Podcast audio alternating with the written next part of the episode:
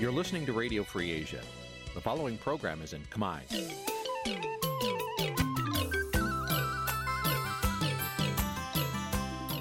Nǐ ជាកម្មវិធីផ្សាយ Vuthu Azizi Serai នេះជាកម្មវិធីផ្សាយរបស់ Vuthu Azizi Serai ជាភាសាខ្មែរ Vuthu Azizi Serai សូមស្វាគមន៍លោកអ្នកនាងទាំងអស់ពីរដ្ឋធានី Washington នៃសហរដ្ឋអាមេរិកពីរដ្ឋធានី Washington នាងខ្ញុំសុជីវីសូមជម្រាបសួរលោកអ្នកនាងកញ្ញាដែលកំពុងតាមដានការផ្សាយរបស់ Vithu Azizi សេរីទាំងអស់ជាទីមេត្រីយើងខ្ញុំសូមជូនកម្មវិធីផ្សាយសម្រាប់ព្រឹកថ្ងៃច័ន្ទ14រោចខែផលគុណឆ្នាំខាលចត្វាស័កពុរសករាជ2566ត្រូវនៅថ្ងៃទី20ខែមិនិនាគ្រិស្តសករាជ2023ជាដំបូងនេះសូមអញ្ជើញលោកអ្នកនាងស្ដាប់ព័ត៌មានប្រចាំថ្ងៃដែលមានមេត្តាដូចតទៅ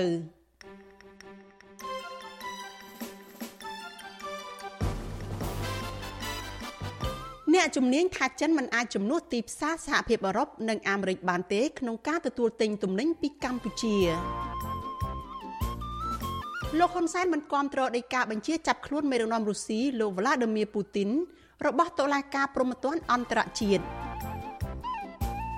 អ្នកសង្កេតការថាប្រជាជាតិខ្មែរនឹងរងគ្រោះខ្លាំងពីការកាត់ប្រព័ន្ធអនុគ្រោះពន្ធ EBA បន្ថែមទៀតពីសហភាពអឺរ៉ុប ការកាប់រំលំព្រៃឈើខុសច្បាប់ទ្រង់ទ្រាយធំដោយក្រុមហ៊ុន Singbiotic កំពុងបន្តកើតឡើងយ៉ាងអនាធបត័យរួមនឹងព័ត៌មានសំខាន់សំខាន់មួយចំនួនទៀតចាស់ជាបន្តទៅទៀតនេះនាងខ្ញុំសុជីវីសូមជូនព័ត៌មានទាំងនេះពឺស្ដាលោកនាងជាទីមេត្រីអ្នកជំនាញផ្នែកនយោបាយនិងអ្នកវិភាគប្រមានថាចិនមិនអាចប៉ះបើឬក៏ជំនួសទីផ្សារសហគមន៍អឺរ៉ុបនិងអាមេរិកដែលជាដៃគូពាណិជ្ជកម្មកម្ពុជា នាំចេញទំនិញគ្រប់ប្រភេទទៅលក់បានទេប្រសិនបើកម្ពុជាបាត់បង់ផលប្រយោជន៍សេដ្ឋកិច្ចតាមរយៈសហគមន៍អឺរ៉ុបផ្ដាច់ប្រព័ន្ធអនុគ្រោះពន្ធ EBA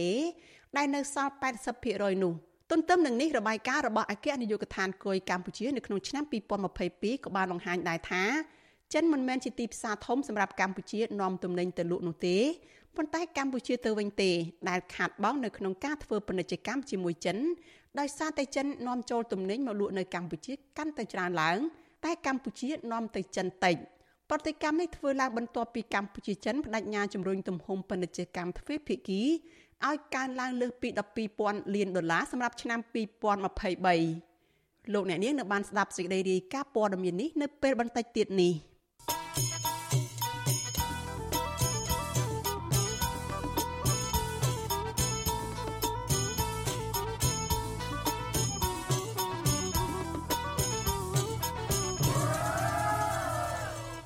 លោកនាងកញ្ញាជាទីមេត្រីចាប់ព័ត៌មានតកតងនឹងប្រធានសាលាឧទ្ធរលោកសេងស៊ីវុធាឯនេះវិញមន្ត្រីសង្គមស៊ីវិលនិងអ្នកសិក្សាផ្នែកច្បាប់រិះគន់ប្រធានសាលាឧទ្ធរភ្នំពេញលោកសេងស៊ីវុធាដែលពន្យាពេលអាយុចូលនិវត្តន៍មួយឆ្នាំទៀតពួកគាត់បារម្ភថាការមិនព្រមចូលនិវត្តន៍តាមច្បាប់កំណត់នេះអាចធ្វើឲ្យប៉ះពាល់ទៅដល់ការអនុវត្តច្បាប់បាត់ឱកាសសម្រាប់អ្នកចំនួនក្រោយនិងមានទំនាស់ផលប្រយោជន៍ជាដើមចាសសូមស្ដាប់សេចក្តីរាយការណ៍របស់លោកថាថៃអំពីរឿងនេះ។ ករណីចៅក្រមនិងបរិយាអាញាដែលដល់អាយុចូលនិវត្តន៍ប៉ុន្តែពន្យាពេលចូលនិវត្តន៍បានคล้ายជាវប្បធម៌មួយទៅហើយនៅក្នុងស្ថាប័នតុលាការកម្ពុជាគ្រប់ជាន់ថ្នាក់បើទោះបីជាច្បាប់ស្ដីពីលក្ខន្តិកៈចៅក្រមនិងបរិយាអាញាបានចែងថាចៅក្រមនិងបរិយាអាញាទាំងពីរភេទត្រូវចូលនិវត្តន៍ពេលគ្រប់អាយុ60ឆ្នាំក្តីជាក់ស្ដែងថ្មីថ្មីនេះប្រធានតុលាការឧទ្ធរភ្នំពេញលោកសេងស៊ីវុធាអាយុ60ឆ្នាំ បានពន្យាពេលចូលនិវត្តន៍ដោយបន្តការងារដដែលរយៈពេល1ឆ្នាំទៀតចាប់ពីថ្ងៃទី5ខែមីនាឆ្នាំ2023ដល់ថ្ងៃទី5ខែមីនាឆ្នាំ2024អ្នកនាំពាក្យសមាគមការពារសិទ្ធិមនុស្សអាត6លោកសាំងសែនករណាមានប្រសាសន៍ថារដ្ឋាភិបាលអាចទូលថ្វាយព្រះមហាក្សត្រដើម្បីពន្យាពេលចូលនិវត្តន៍របស់មន្ត្រីរាជការដោយផ្អែកទៅលើសមត្ថភាពរបស់ពួកគាត់ក៏ប៉ុន្តែលោកបារម្ភថាករណីបែបនេះនឹងក្លាយជាគំរូមិនល្អហើយចេះតែបន្តកើតឡើងទៀត លោកយល់ថាប្រធានតុលាការឬចៅក្រមដែលមានអាយុលើស60ឆ្នាំគួរតែដាក់ឲ្យចូលនិវត្តន៍តាមច្បាប់កំណត់ដើម្បីទុកឱកាសឲ្យអ្នកចំនួនក្រោយដែលជាកម្លាំងថ្មីនិងមានគំនិតថ្មីក្នុងការដឹកនាំបន្ត បញ្ហាទាំងអស់នេះវាមានការពាក់ព័ន្ធគ្នារវាងពាក់ព័ន្ធនឹងទូនាទីនិងផលប្រយោជន៍ទាំងហើយដែលអាចនឹងបន្តទៅបានសម្រាប់យើងយើងអត់ចង់ឃើញបែបហ្នឹងទេយើងចង់ឃើញអាចថាមន្ត្រីដែលត្រូវចូលនិវត្តន៍ទាំងឡាយហ្នឹងដល់អាយុហើយគួរតែពិនិត្យមើលលទ្ធភាពភាពណាទៅដល់អ្នកបន្តវេនចំនួនចំនួនក្រោយឲ្យគេបន្តកិច្ចការងារទៅហើយខ្ញុំជឿជាក់ថាអ្នកដែលមានសមត្ថភាពធ្វើកិច្ចការងារទៅបានគឺមានច្រើនហើយក៏យើងអាចផ្ដល់ឱកាសឲ្យអ្នកថ្មីកម្លាំងថ្មីគំនិតថ្មីអាចថាមានការច្នៃប្រឌិតក្នុងការដឹកនាំនិងកសាងព្រះរាជក្រឹត្យរបស់ព្រះមហាក្សត្រចុះថ្ងៃទី17មិនិនាបានសម្រេចពន្យាពេលឲ្យលោកសេងស៊ីវុត្ថាបន្តតួនាទីជាប្រធានសាលាឧទ្ធរភ្នំពេញរយៈពេល1ឆ្នាំទៀតតាមការទូលថ្វាយរបស់រដ្ឋមន្ត្រីក្រសួងយុតិធម៌លោកកើតរិទ្ធ លោកសេងស៊ីវុត្ថាត្រូវបានតែងតាំងជាប្រធានសាលាឧទ្ធរភ្នំពេញកាលពីឆ្នាំ2021បន្ទាប់ពីលោកមានស្នាដៃកាន់សំណុំរឿងនយោបាយធំធំជាច្រើនដូចជាសំណុំរឿងថ្នាក់ដឹកនាំគណៈបកសង្គ្រោះជាតិលោកសំរងស៊ីលោកហុងសុខួរលោកអ៊ុំសំអានពាក់ព័ន្ធនឹងបញ្ហារិះគន់រឿងព្រំដែនកម្ពុជាវៀតណាមនិងសំណុំរឿងអាស្រូវស្នេហារបស់លោកកឹមសុខាជាដើមសំណុំរឿងនយោបាយទាំងនេះលោកសេងស៊ីវុត្ថាដែលមានទូនាទីជាប្រធានក្រុមប្រឹក្សាជំនុំជម្រះសាលាឧទ្ធរ តែងតែសម្រេចឲ្យថ្នាក់ដឹកនាំបកប្រឆាំងជាប់ពន្ធនាគារដោយតុលាការជន់ទាបដែរដែលសហគមន៍ជាតិនិងអន្តរជាតិចាត់ទុកថាជាការកាត់ក្តីបែបនយោបាយសុទ្ធសាធម្យ៉ាងវិញទៀតប្រធានសាលាឧទ្ធរភ្នំពេញរូបនេះក៏ជាសមាជិកគណៈបកប្រជាជនកម្ពុជាដែរជុំវិញរឿងនេះវិទ្យុអាស៊ីសេរីមិនអាចសុំការឆ្លើយតបពីលោកសេងស៊ីវុត្ថាបានទេដោយទូរស័ព្ទចូលពុំមានអ្នកទទួលអ្នកសិក្សាផ្នែកច្បាប់លោកវ៉ុនចាន់ឡូតថ្លែងថាការអនុញ្ញាតឲ្យចៅក្រមដែលមានអាយុត្រូវចូលនិវត្តន៍ អាចបន្តការងារផ្ទុយពីច្បាប់កំណត់នោះមិនគួរកើតមានទៀតនោះទេព្រោះគាត់មានវ័យចំណាស់ដូច្នេះមានតែរបៀបធ្វើការងារដដែលដដែលហើយអាចគិតយឺតយ៉ាវឬមានស្មារតីភ្លេចភ្លាំងដែលធ្វើឲ្យប៉ះពាល់ដល់ការអនុវត្តច្បាប់ទោះជាយ៉ាងណាលោកយល់ថាមូលហេតុដែលចៅក្រមចាស់ជរាមួយចំនួនអាចរក្សាទូនាទីរបស់ខ្លួនទំនងជាពួកគាត់ទទួលបានរង្វាន់លើកទឹកចិត្តជាពិសេសដោយសារមានស្នាដៃកាត់ក្តីរឿងនយោបាយកន្លងមក សម្រាប់បរិបទកម្ពុជា ដែលយើងឃើញថាវាអាចជាប់តាក់ទងទៅនឹងកត្តានយោបាយមួយចំនួនដែរពីព្រោះយើងត្រូវដឹងថាតឡាការនៅកម្ពុជា គឺមានការរិះគន់ច្រើនពីសំណាក់ជាតិនិងអន្តរជាតិហើយជាពិសេសតួលេខនៅក្នុងប្រព័ន្ធយុទ្ធធរសម្រាប់កម្ពុជាហ្នឹងគឺมันមាននៅភាពល្អប្រសើរទេមតិមួយចំនួនទៀតមានការលើកឡើងថាតឡាការគឺត្រូវបានខ្លាយទៅជាឧបករណ៍បម្រើនយោបាយមួយដ៏មានប្រសិទ្ធភាពសម្រាប់អ្នកនយោបាយប្រប៉ះនៅក្នុងការ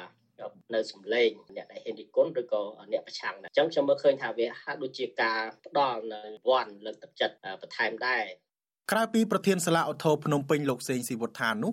នៅមានចៅក្រមនិងព្រះអាញាជាច្រើនរូបទៀតដែលលើសអាយុត្រូវចូលនិវត្តន៍ប៉ុន្តែនៅតែបន្តការងារនិងត្រូវបានដំឡើងឋានៈថែមទៀតចៅក្រមនិងព្រះអាញាចាស់ជរាទាំងនោះ រួមមានប្រធានតុលាការកំពូលលោកដិតមន្ទី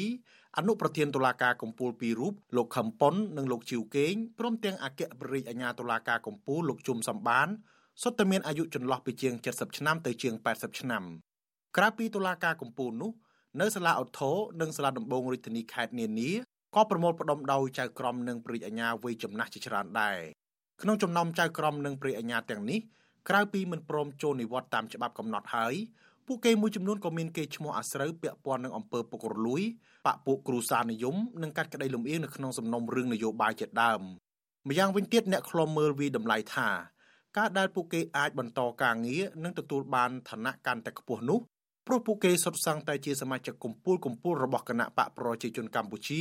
និងមានស្នាដៃជាច្រើនជួយគណៈបកប្រជាជនកម្ពុជាឲ្យបន្តរក្សាអំណាច តាមរយៈកំតិចគណៈបកនិងអ្នកនយោបាយបកប្រឆាំងព្រមទាំងបំបត្តិសម្លេងរិះគន់ដោយប្រើប្រាស់ច្បាប់ជាឧបករណ៍ជាស្ដេចលោកដិតមន្ទីលោកខឹមប៉ុននិងលោកជីវកេងដែលជាសមាជិកជាន់ខ្ពស់គណៈបកប្រជាជនកម្ពុជានោះគឺស្ថិតនៅក្នុងសមាជិកភាពចៅក្រម9រូបដែលសម្រេចរំលាយគណៈបកសង្គ្រោះជាតិកាលពីខែវិច្ឆិកាឆ្នាំ2017បណ្ដាលឲ្យសហគមន៍ជាតិនិងអន្តរជាតិថ្កោលទោសនិងរិះគន់ថាជាការគោះរំលើងប្រជាធិបតេយ្យនិងជន់ឈ្លីប្រព័ន្ធយុតិធធម៌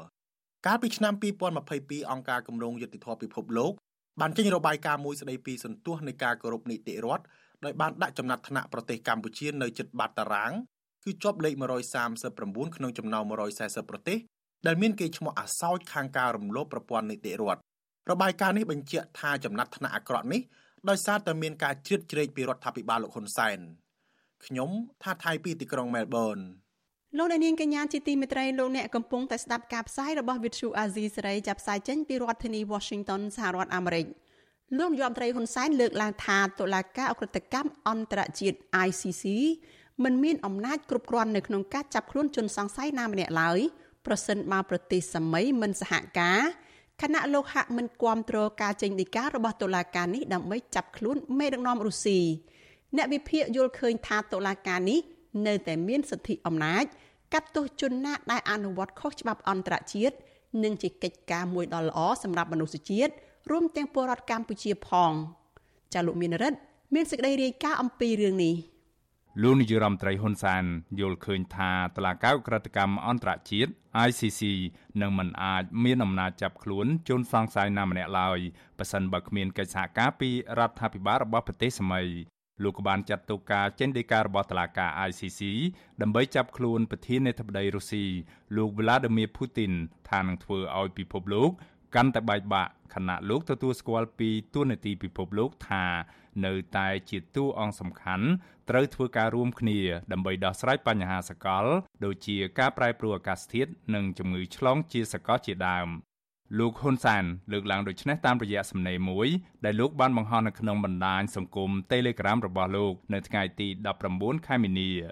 មេដឹកនាំឯកបៈរុងនេះបន្តថាការចេញដីការបស់តុលាការ ICC នៅពេលនេះនឹងធ្វើឲ្យមានភាពស្មុគស្មាញដល់ដំណើរការស្វែងរកសន្តិភាពសម្រាប់បញ្ចប់សង្គ្រាមនៅអ៊ុយក្រែន ជាពិសេសមុនពេលដែលប្រធានាធិបតីចិន លោកស៊ីជីនពីងទៅបំពេញទស្សនកិច្ចនៅរុស្ស៊ីដែលលោកថាមេដឹកនាំចិនរូបនេះអាចនឹងជួយសម្រុះសម្រួលដើម្បីស្វែងរកសន្តិភាព លោកហ៊ុនសែនបញ្ជាក់ថាភាពស្មុគស្មាញនេះគឺដោយសារតែប្រទេសចិនក៏ត្រូវបានចោទប្រកាន់ពីបទប្រឡាយពូជសាសន៍នៅឯខេត្តស៊ីនជៀងនៅក្នុងប្រទេសចិនដែរលោកលើកឡើងតាមរយៈសំណេរដើមថា ការចោទប្រកាន់របស់ ICC លើលោកប្រធានាធិបតីពូទីននេះគឺជាការវិវត្តផ្នែកនយោបាយមួយគួរឲ្យភ្ញាក់ផ្អើលដោយមានផលប៉ះពាល់ទៅលើភូមិសាស្ត្រនយោបាយយ៉ាងទូលំទូលាយនៅក្នុងទ្វីបអឺរ៉ុបនិងនៅលើពិភពលោកហើយរឿងនេះមិនមែនជារឿងឧក្រិដ្ឋកម្មសង្គ្រាមនោះទេ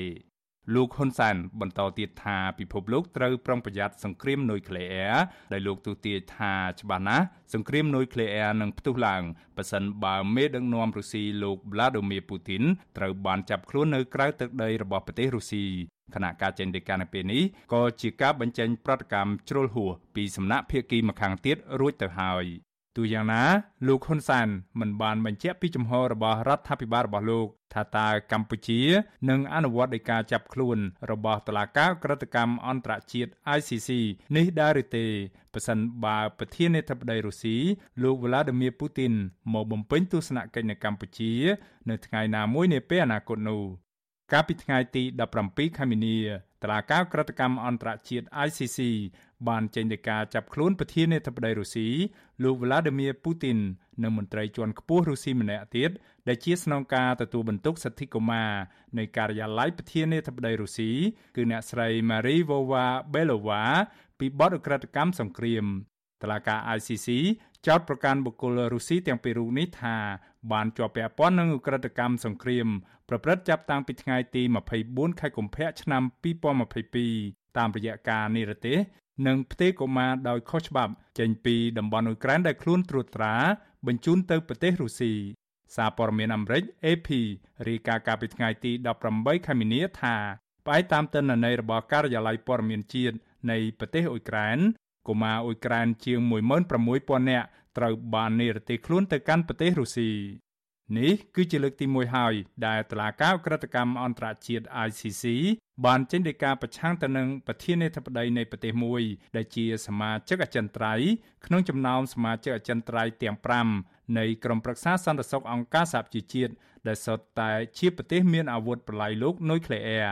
ទោះជាយ៉ាងណារុស្ស៊ីមិនមែនជាសមាជិកនៃលក្ខន្តិកៈទីក្រុងរ៉ូមស្ដីពីតឡាការក្រិតកម្មអន្តរជាតិ ICC នេះឡើយ។ជុំវិញរឿងនេះអ្នកជំនាញផ្នែកវិទ្យាសាស្ត្រនយោបាយលោកអែមសវណ្ណារាយល់ឃើញថាការលើកឡើងរបស់លោកហ៊ុនសែនជាទស្សនៈមួយដើម្បីជំរុញឲ្យមានការចរចាឬរកមធ្យោបាយដើម្បីជជែកគ្នាឡើងវិញ រវាងរុស្ស៊ីនិងអ៊ុយក្រែនឈានទៅបញ្ចប់សង្គ្រាមដែលបានអូសបន្លាយអស់រយៈពេលជាង1ឆ្នាំមកនេះ ក៏ប៉ុន្តែលោកបន្តថាតឡាការក្រិតកម្មអន្តរជាតិ ICC នៅតែដើរតួនាទីជាបទដ្ឋានអន្តរជាតិដើម្បីដាក់ទោសជនទាំងឡាយណា ដែលប្រព្រឹត្តខុសគោលការណ៍ច្បាប់ប្រឆាំងនឹងមនុស្សជាតិឬការប្រឡាយពូជសាសន៍និងជាវិធានការមួយ ដែលនៅតែមានការទទួលស្គាល់ពីអន្តរជាតិហើយបណ្ដាប្រទេសជាសមាជិកអង្គការសហប្រជាជាតិរួមទាំងកម្ពុជាផងត្រូវតែគោរព វាជាយន្តការមួយបញ្ញត្តិស្មារតីគ្រប់អ្នកដឹកនាំទាំងអស់រួមទាំងកម្ពុជានឹងឲ្យប្រយ័ត្នឬក៏អនុវត្តទៅតាមគោលការណ៍ច្បាប់កុំឲ្យអាងទៅលើគោលការណ៍អំណាចរបស់ខ្លួនហ្នឹងណានេះជាកិច្ចការមួយល្អសម្រាប់មនុស្សជាតិដែលក៏លោករួមទាំងពលរដ្ឋកម្ពុជាផងដែរបាទតឡាការព្រហ្មទណ្ឌអន្តរជាតិ ICC មានប្រទេសចំនួន123ជារដ្ឋភាគីនៃលក្ខន្តិកៈទីក្រុងរ៉ូមបង្កើតតឡាការព្រហ្មទណ្ឌអន្តរជាតិនេះ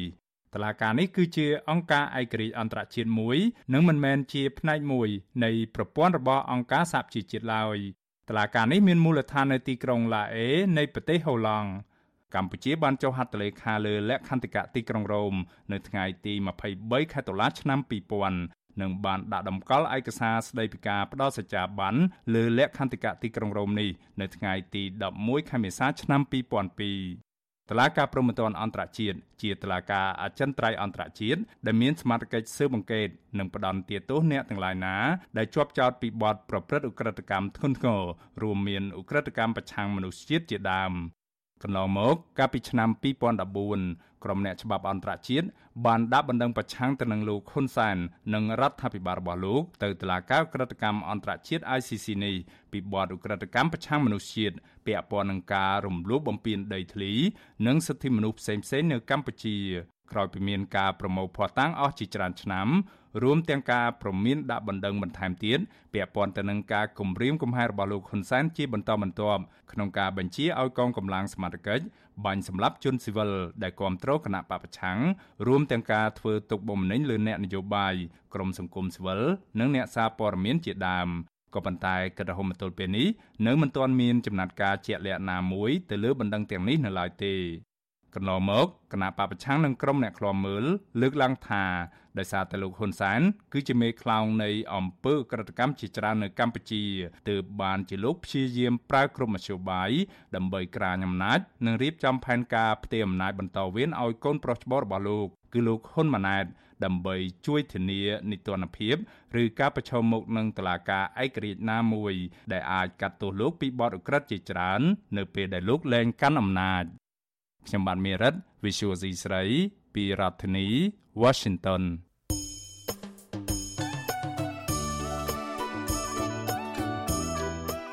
លោកនាងកញ្ញាជាទីមេត្រីដំណើរគ្នានឹងស្ដាប់ការផ្សាយផ្ទាល់របស់ Vithu Azizi សេរីនៅលើបណ្ដាញសង្គម Facebook និង YouTube ចាលោកនាងក៏អាចស្ដាប់ការផ្សាយរបស់យើងចាតាមរយៈ Vithu រលកធាតុអាកាសខ្លី SW តាមកម្រិតនិងកម្ពស់ដូចតទៅនេះពេលព្រឹកចាប់ពីម៉ោង5កន្លះដល់ម៉ោង6កន្លះ តាមរយៈ post SW 9.39 MHz ស្មើនឹងកម្ពស់ 32m និង post SW 11.85 MHz ស្មើនឹងកម្ពស់ 25m ពេលយប់ចាប់ពីម៉ោង7កន្លះដល់ម៉ោង8កន្លះតាមរយៈ post SW 9.39 MHz ស្មើនឹងកម្ពស់ 32m post SW 11.88 MHz ស្មើនឹងកម្ពស់ 25m និង post SW 15.15 MHz ស្មើនឹងកម្ពស់ 20m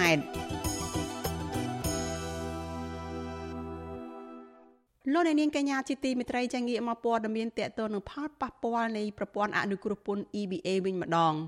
ចានៅពេលដែលសហភាពអឺរ៉ុបប្រមានពីការដកហូតប្រព័ន្ធអនុគ្រោះពន្ធ EBA បន្ថែមទៀតរដ្ឋាភិបាលកម្ពុជាមិនត្រឹមតែមិនបង្ហាញជំហរស្វែងរកការចរចាទេគឺថែមទាំងវិបកខ្លាំងៗទៅវិញថែមទៀត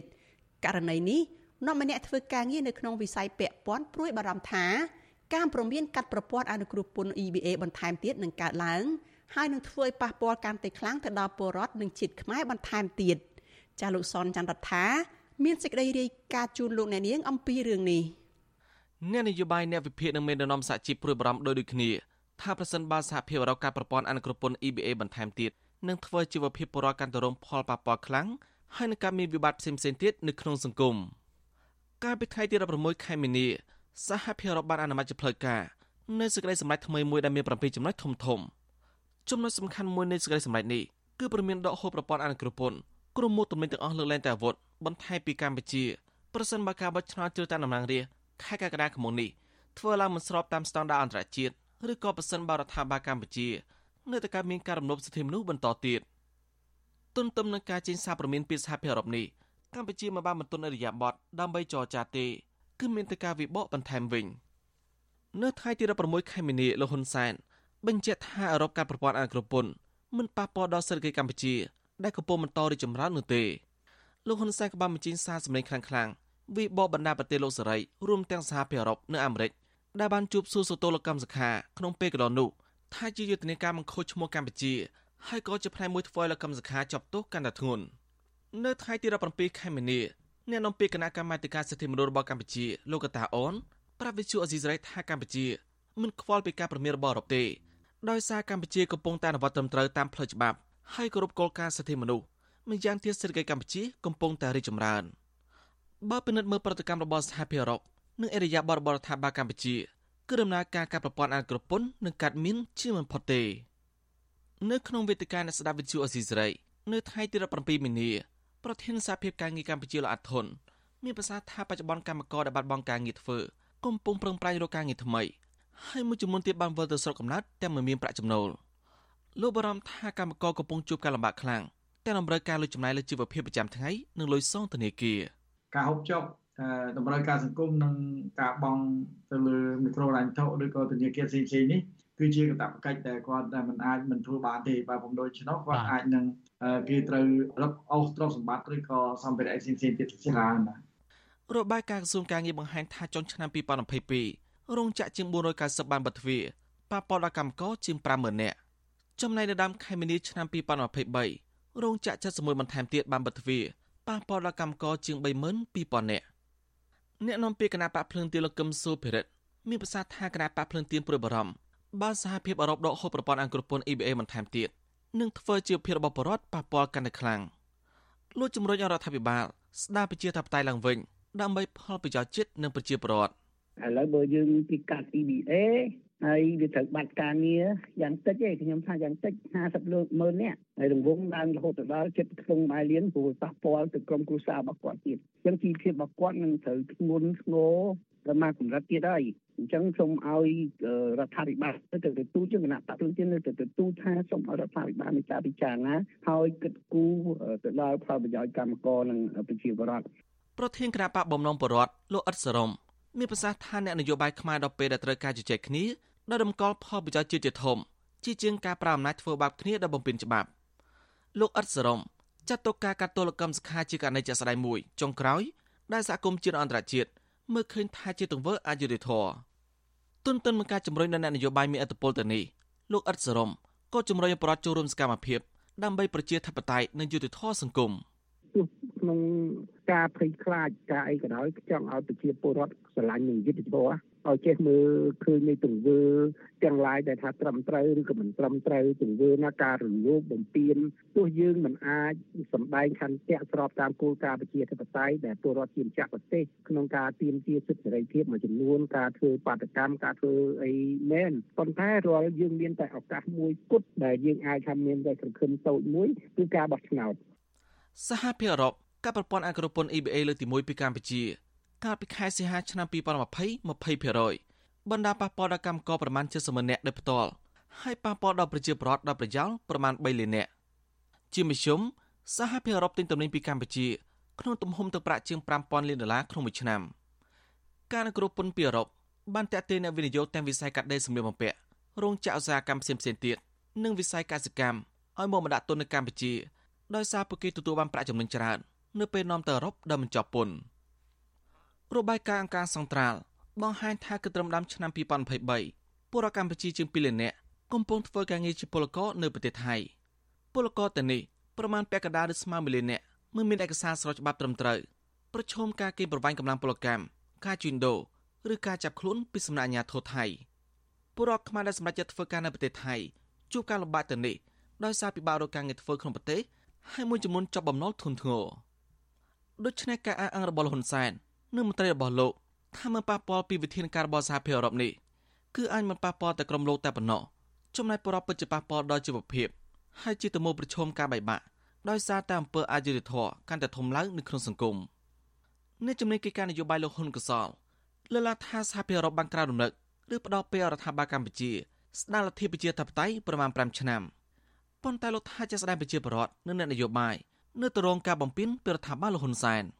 នៅក្នុងការបិទ សិទ្ធិសេរីភាពរបស់ប្រជាពលរដ្ឋបិទសិទ្ធិនយោបាយរបស់អ្នកនយោបាយដទៃជាពិសេសគឺអ្នកនយោបាយរបស់គណៈបកប្រឆាំង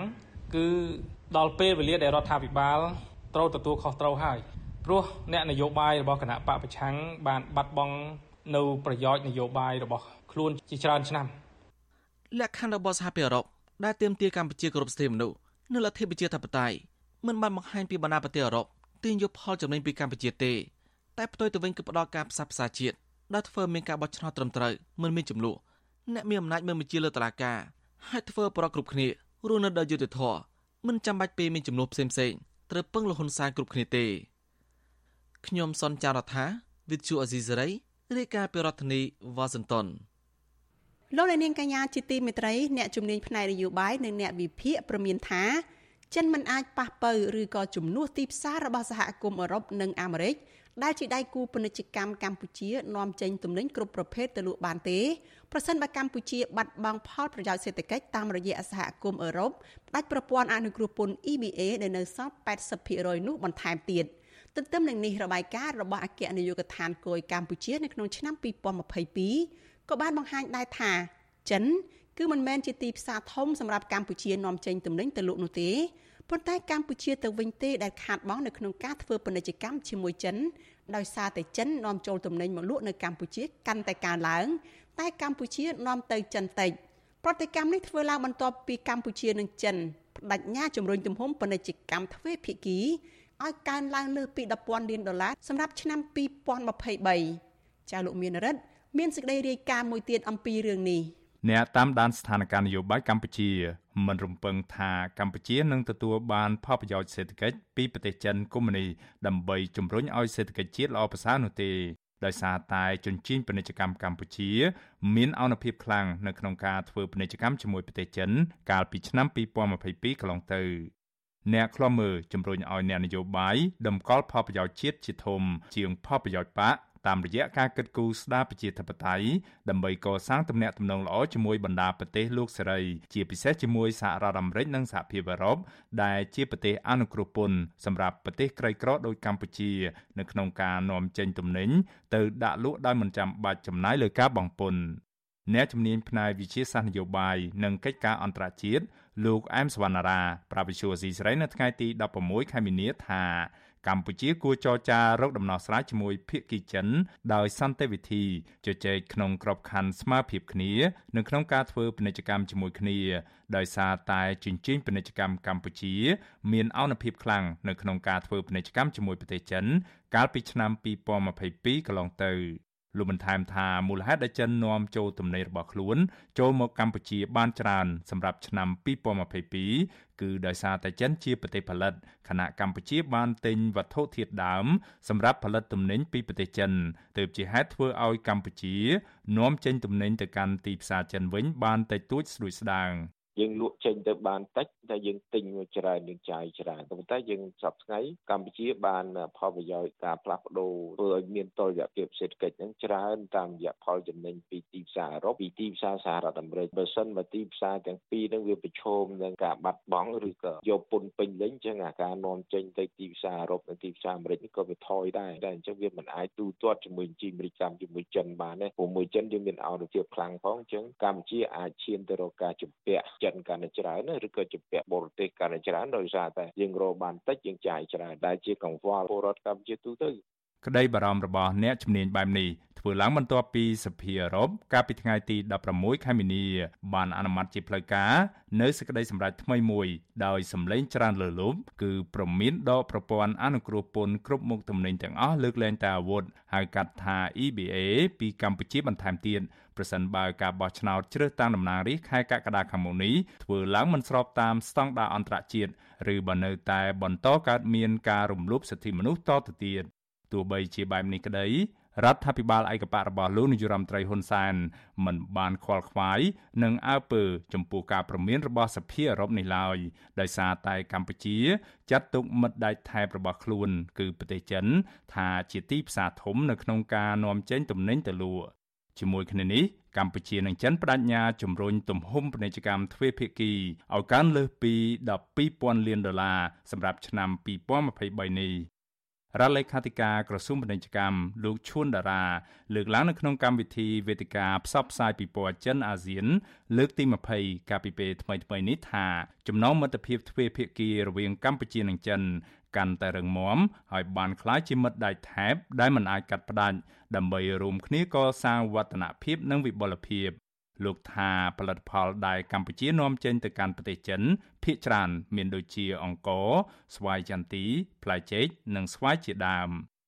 របាយការណ៍របស់អគ្គនាយកដ្ឋានគយនឹងរដ្ឋកោកម្ពុជា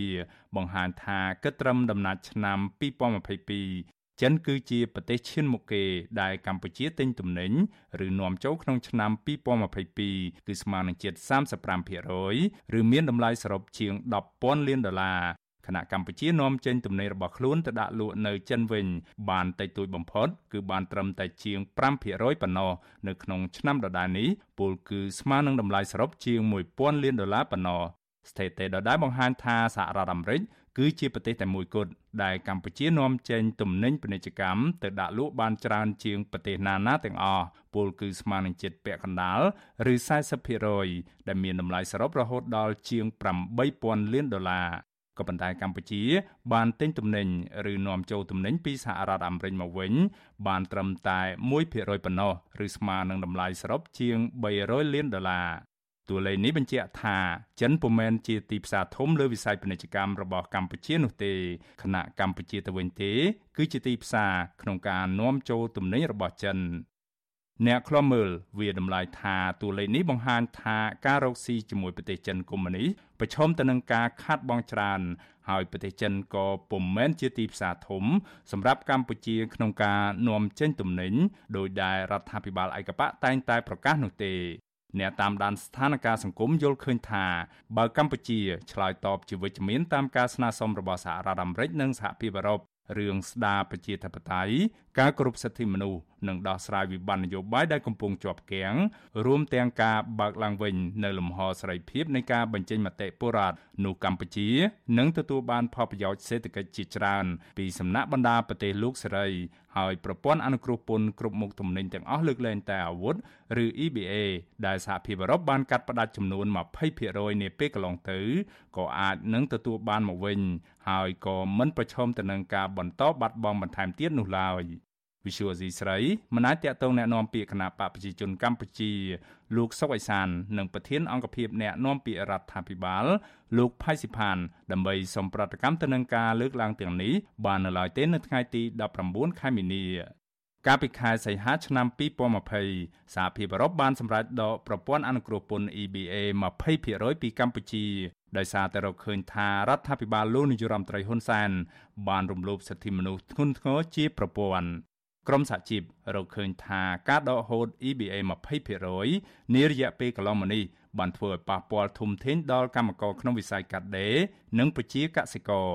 ជាក់ស្ដែងបច្ចុប្បន្នកម្មកររោងចក្រជាច្រើនរយនាក់កំពុងបាត់បង់ការងារហើយកម្មករខ្លះទៀតបានរងទុក្ខវេទនាពីថៅកែបិទទ្វាររោងចក្រដោយគ្មានការទទួលខុសត្រូវ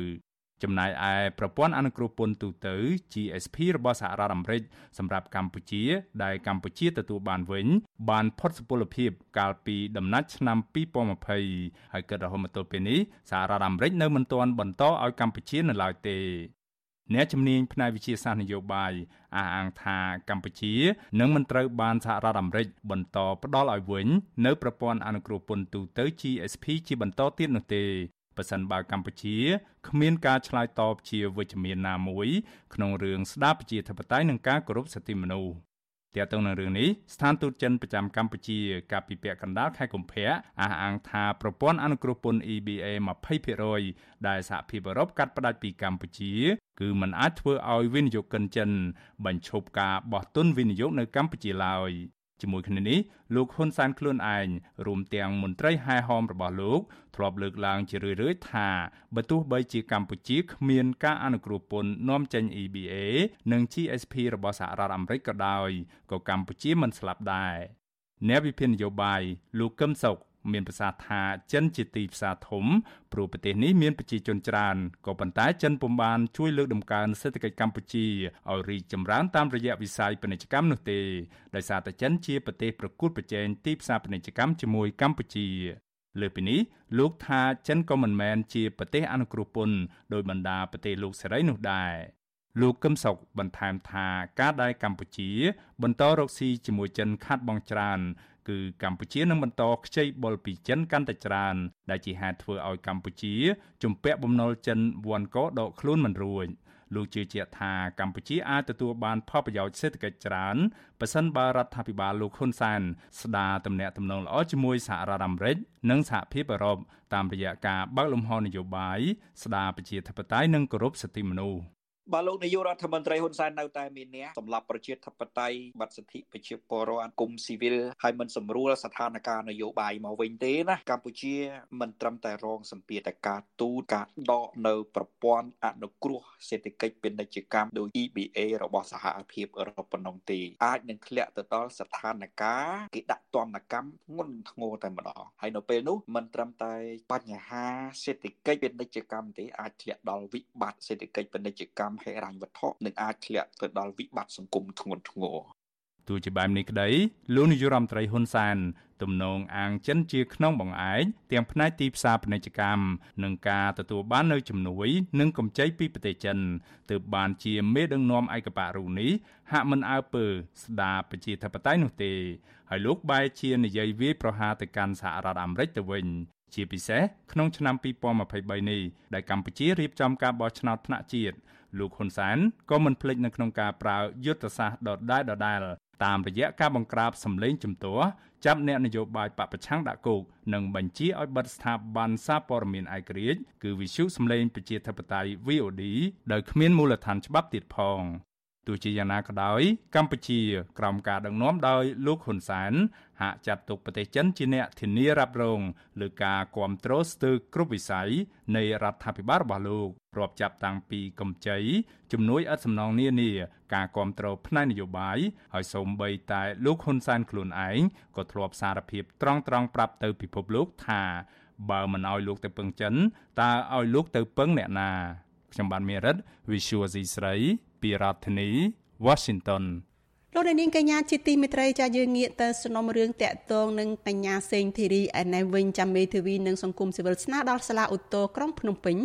ឲ្យពន្លឿនសំណុំរឿងរបស់សកម្មជនសិទ្ធិមនុស្សកញ្ញាសេងធីរី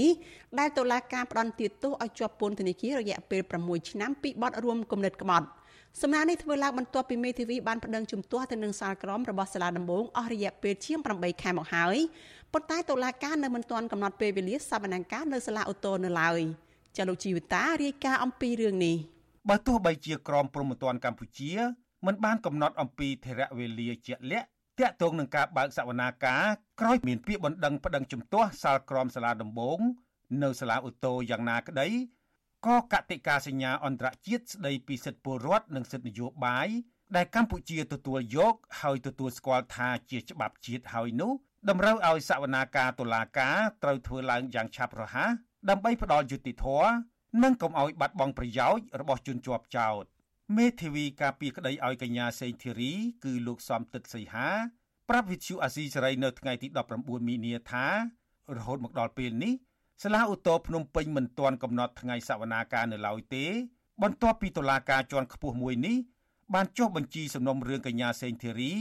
តាំងពីខែកក្កដាឆ្នាំ2022មកម្លេះលោកបន្តថា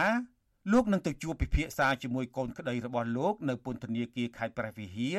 ជុំវិញការដាក់ពាក្យស្នើសុំឲ្យសាលាឧទ្ធរពន្លឿននីតិវិធីនៅពេលឆាប់ៗខាងមុខនេះ។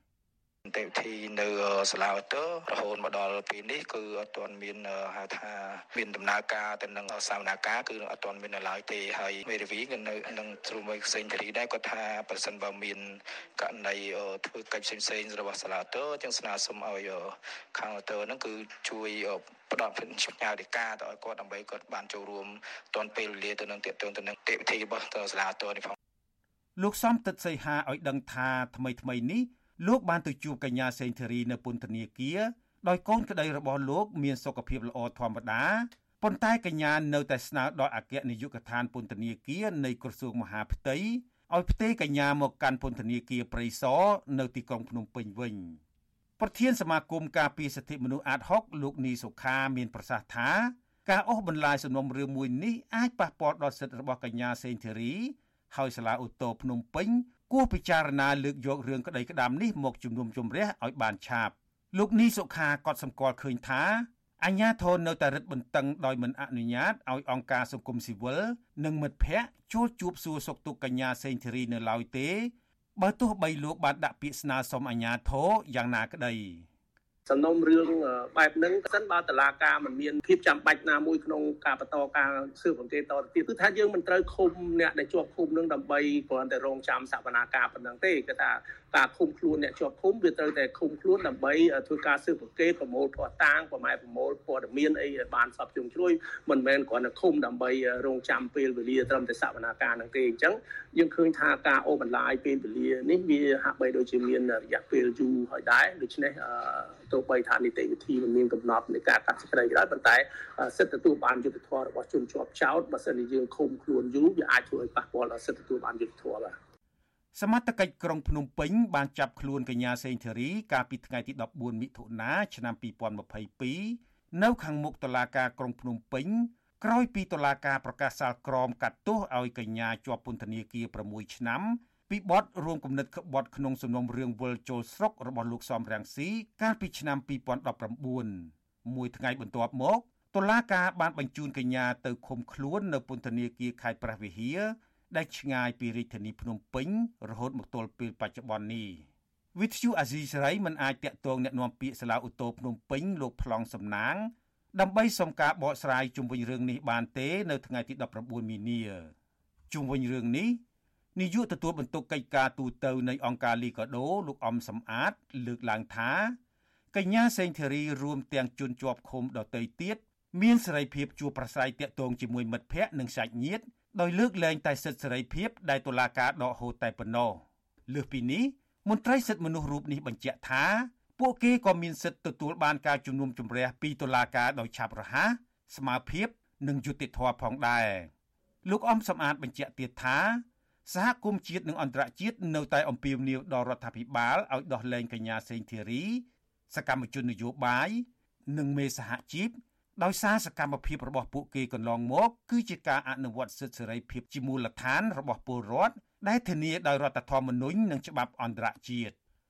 ទោះបីជានៅសាលាតោมันមានកំណត់ការបច្ឆេទដែលត្រូវបើកសវនកម្មក្នុងរយៈពេលណាក៏ដោយក៏ប៉ុន្តែបើយើងមើលទៅក្នុងរដ្ឋធម្មនុញ្ញក៏ដូចជាបទដ្ឋានអន្តរជាតិផ្សេងផ្សេងដែលពីយុទ្ធធរនោះឬក៏ភាពស្មើគ្នាចំពោះមុខច្បាប់ហ្នឹងគឺគេលើកឡើងថាសវនកម្មត្រូវធ្វើយ៉ាងម៉េចឲ្យបានលឿនតាមដែលអាចធ្វើទៅបានពីព្រោះគេខ្លាចលោវាប៉ះពាល់ទៅដល់សិទ្ធិនិងភាពទទួលបានយុត្តិធម៌នៃជនជាប់ចោតបាទ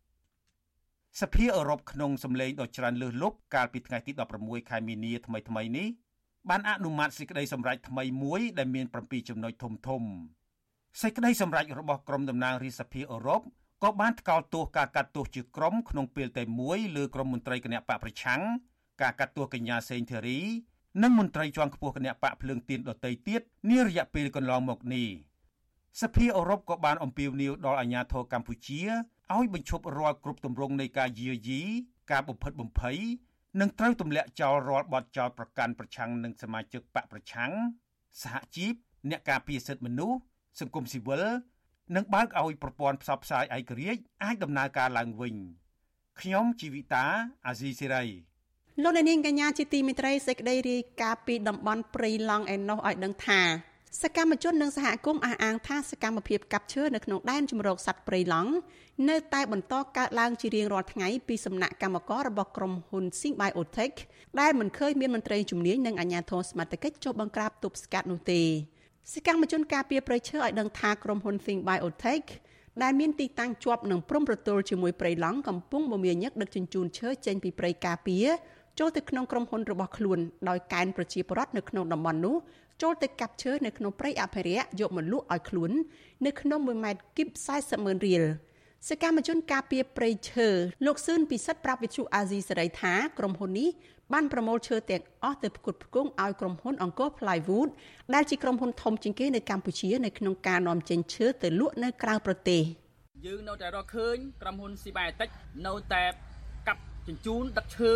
យ៉ាងសស្រាក់ខានកាប់ឈើពីតំបន់ព្រៃឡង់ ដើម្បីផ្គត់ផ្គង់ទៅរោងចក្រអង្គរ Plywood រោងចក្រអង្គរ Plywood គឺជារោងចក្រធំរបស់ប្រទេសកម្ពុជា ដែលការជញ្ជូន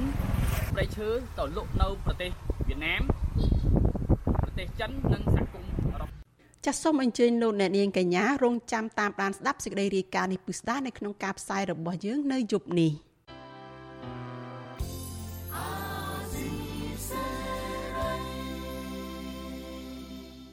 លោកអ្នកនាងជាទីមេត្រីពលករខ្មែរមួយចំនួនដែលធ្វើការនៅប្រទេសថៃកាក់កបនឹងធ្វើការងាររបានប្រាក់ចំណូលសមរម្យផ្គត់ផ្គង់គ្រួសារនៅឯស្រុកកំណើតតែយ៉ាងណាពួកគាត់ទទូចឲ្យអាជ្ញាធរខ្មែរគួរដោះស្រាយបញ្ហាធ្វើលិខិតឆ្លងដែនឲ្យមានតម្លៃធូរថ្លៃជាមុនដើម្បីឲ្យពួកគាត់ងាយស្រួលនៅក្នុងការរកប្រាក់ចំណូលចិញ្ចឹមជីវិត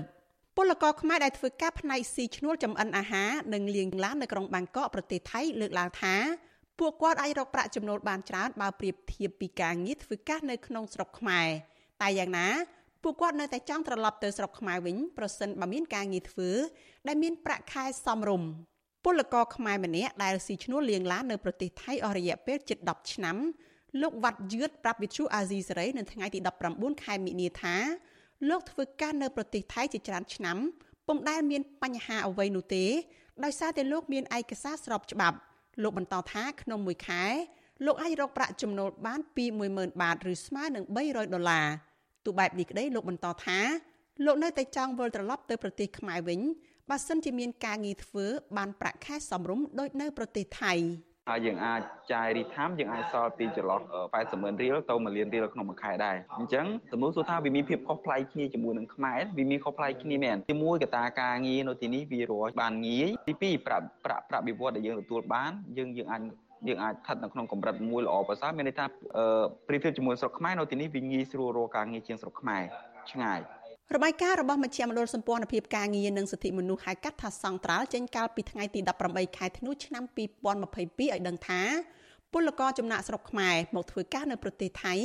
មានប្រមាណ2លាននាក់ដែលកំពុងបម្រើការងារនៅទីនោះហើយភាគច្រើនធ្វើការនៅក្នុងវិស័យសំណង់កសិកម្មនេសាទការងារតាមផ្ទះនិងវិស័យក្រៅប្រព័ន្ធផ្សេងផ្សេងទៀតចំណែកពលករដែលធ្វើការនៅប្រទេសថៃហើយមានជីវភាពសមរម្យគឺមានតិចតួចខណៈដែលពលករភាគច្រើន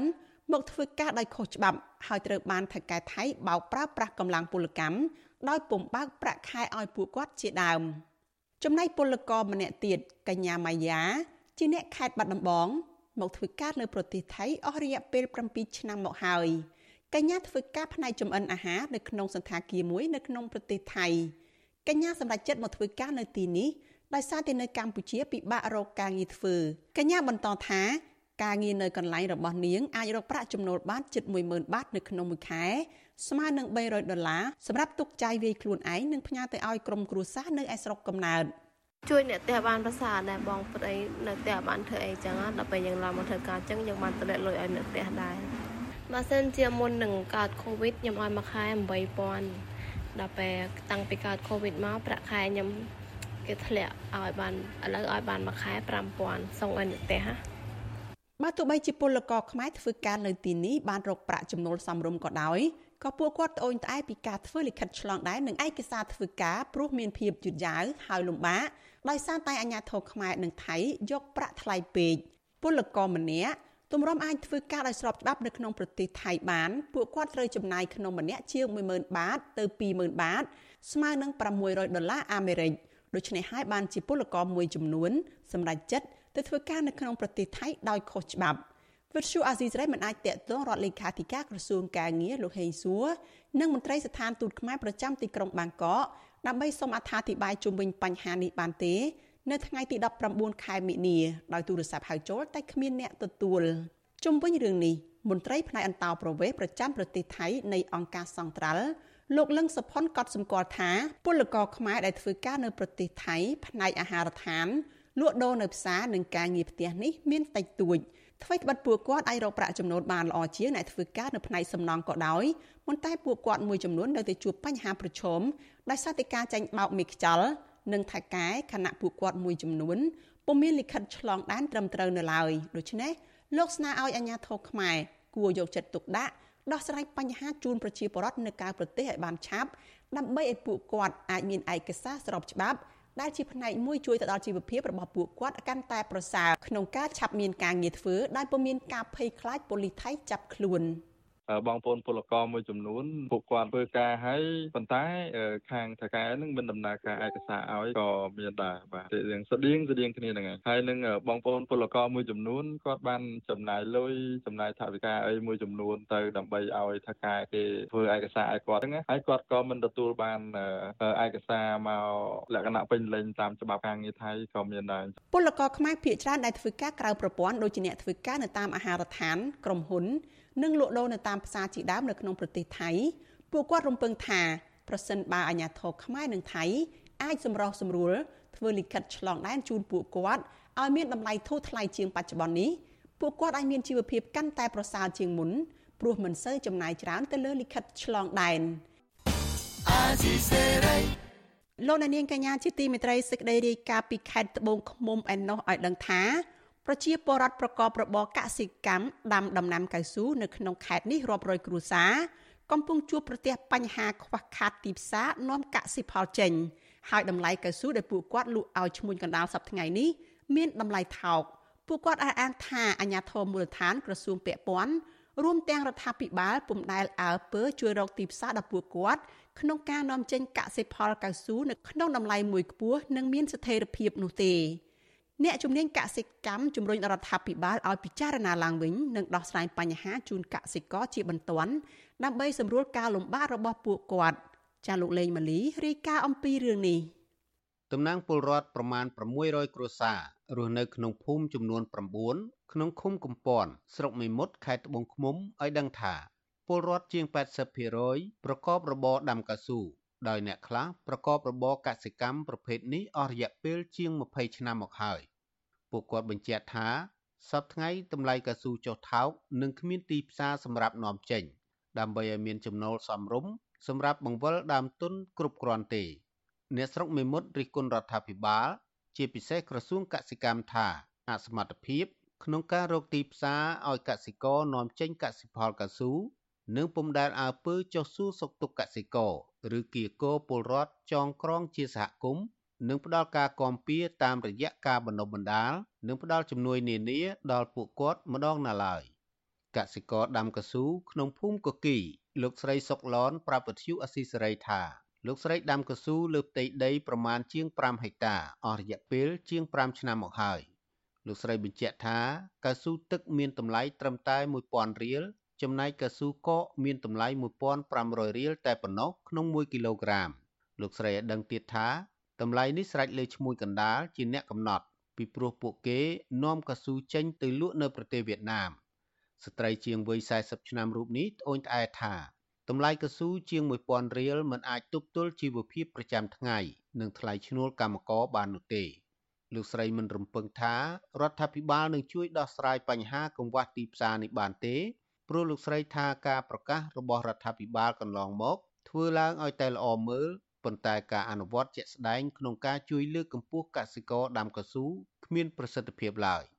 អត់មានថាឲ្យមកស៊ូណែនាំយើងពីលទ្ធផលស្រុកខ្មែរយើងនឹងលក់បានប្រមាណតម្លៃប្រមាណគេអត់ដែលស៊ូនាំអីទេតែយើងលក់បានប្រមាណគេអត់ដែលដឹងលឺអីទេអត់មានរកទីផ្សារឲ្យយើងនឹងឲ្យលក់ឲ្យបានតម្លៃសមរម្យនឹងជីវភាពយើងសពថ្ងៃវារបស់របរគេក៏ថ្លៃតម្លៃនឹងវាសមរម្យដែរមកនិយាយរួមទៅអត់មានទេរត់តាមអាត្មាជីវោទេរងថ្ងៃរដ្ឋាភិបាលគាត់បាននិយាយតែក៏អត់បានធ្វើទេដូចថាទីផ្សាររោងចក្រដែលអ្នកកិនជួកិនអីមិនដែលមកទិញលទ្ធផលនឹងយកទៅខ្មែរយើងបានចំនួនធំដុំគ្មានទេខ្មែរយើងទិញយកទៅលក់ឲ្យទៅយួននឹង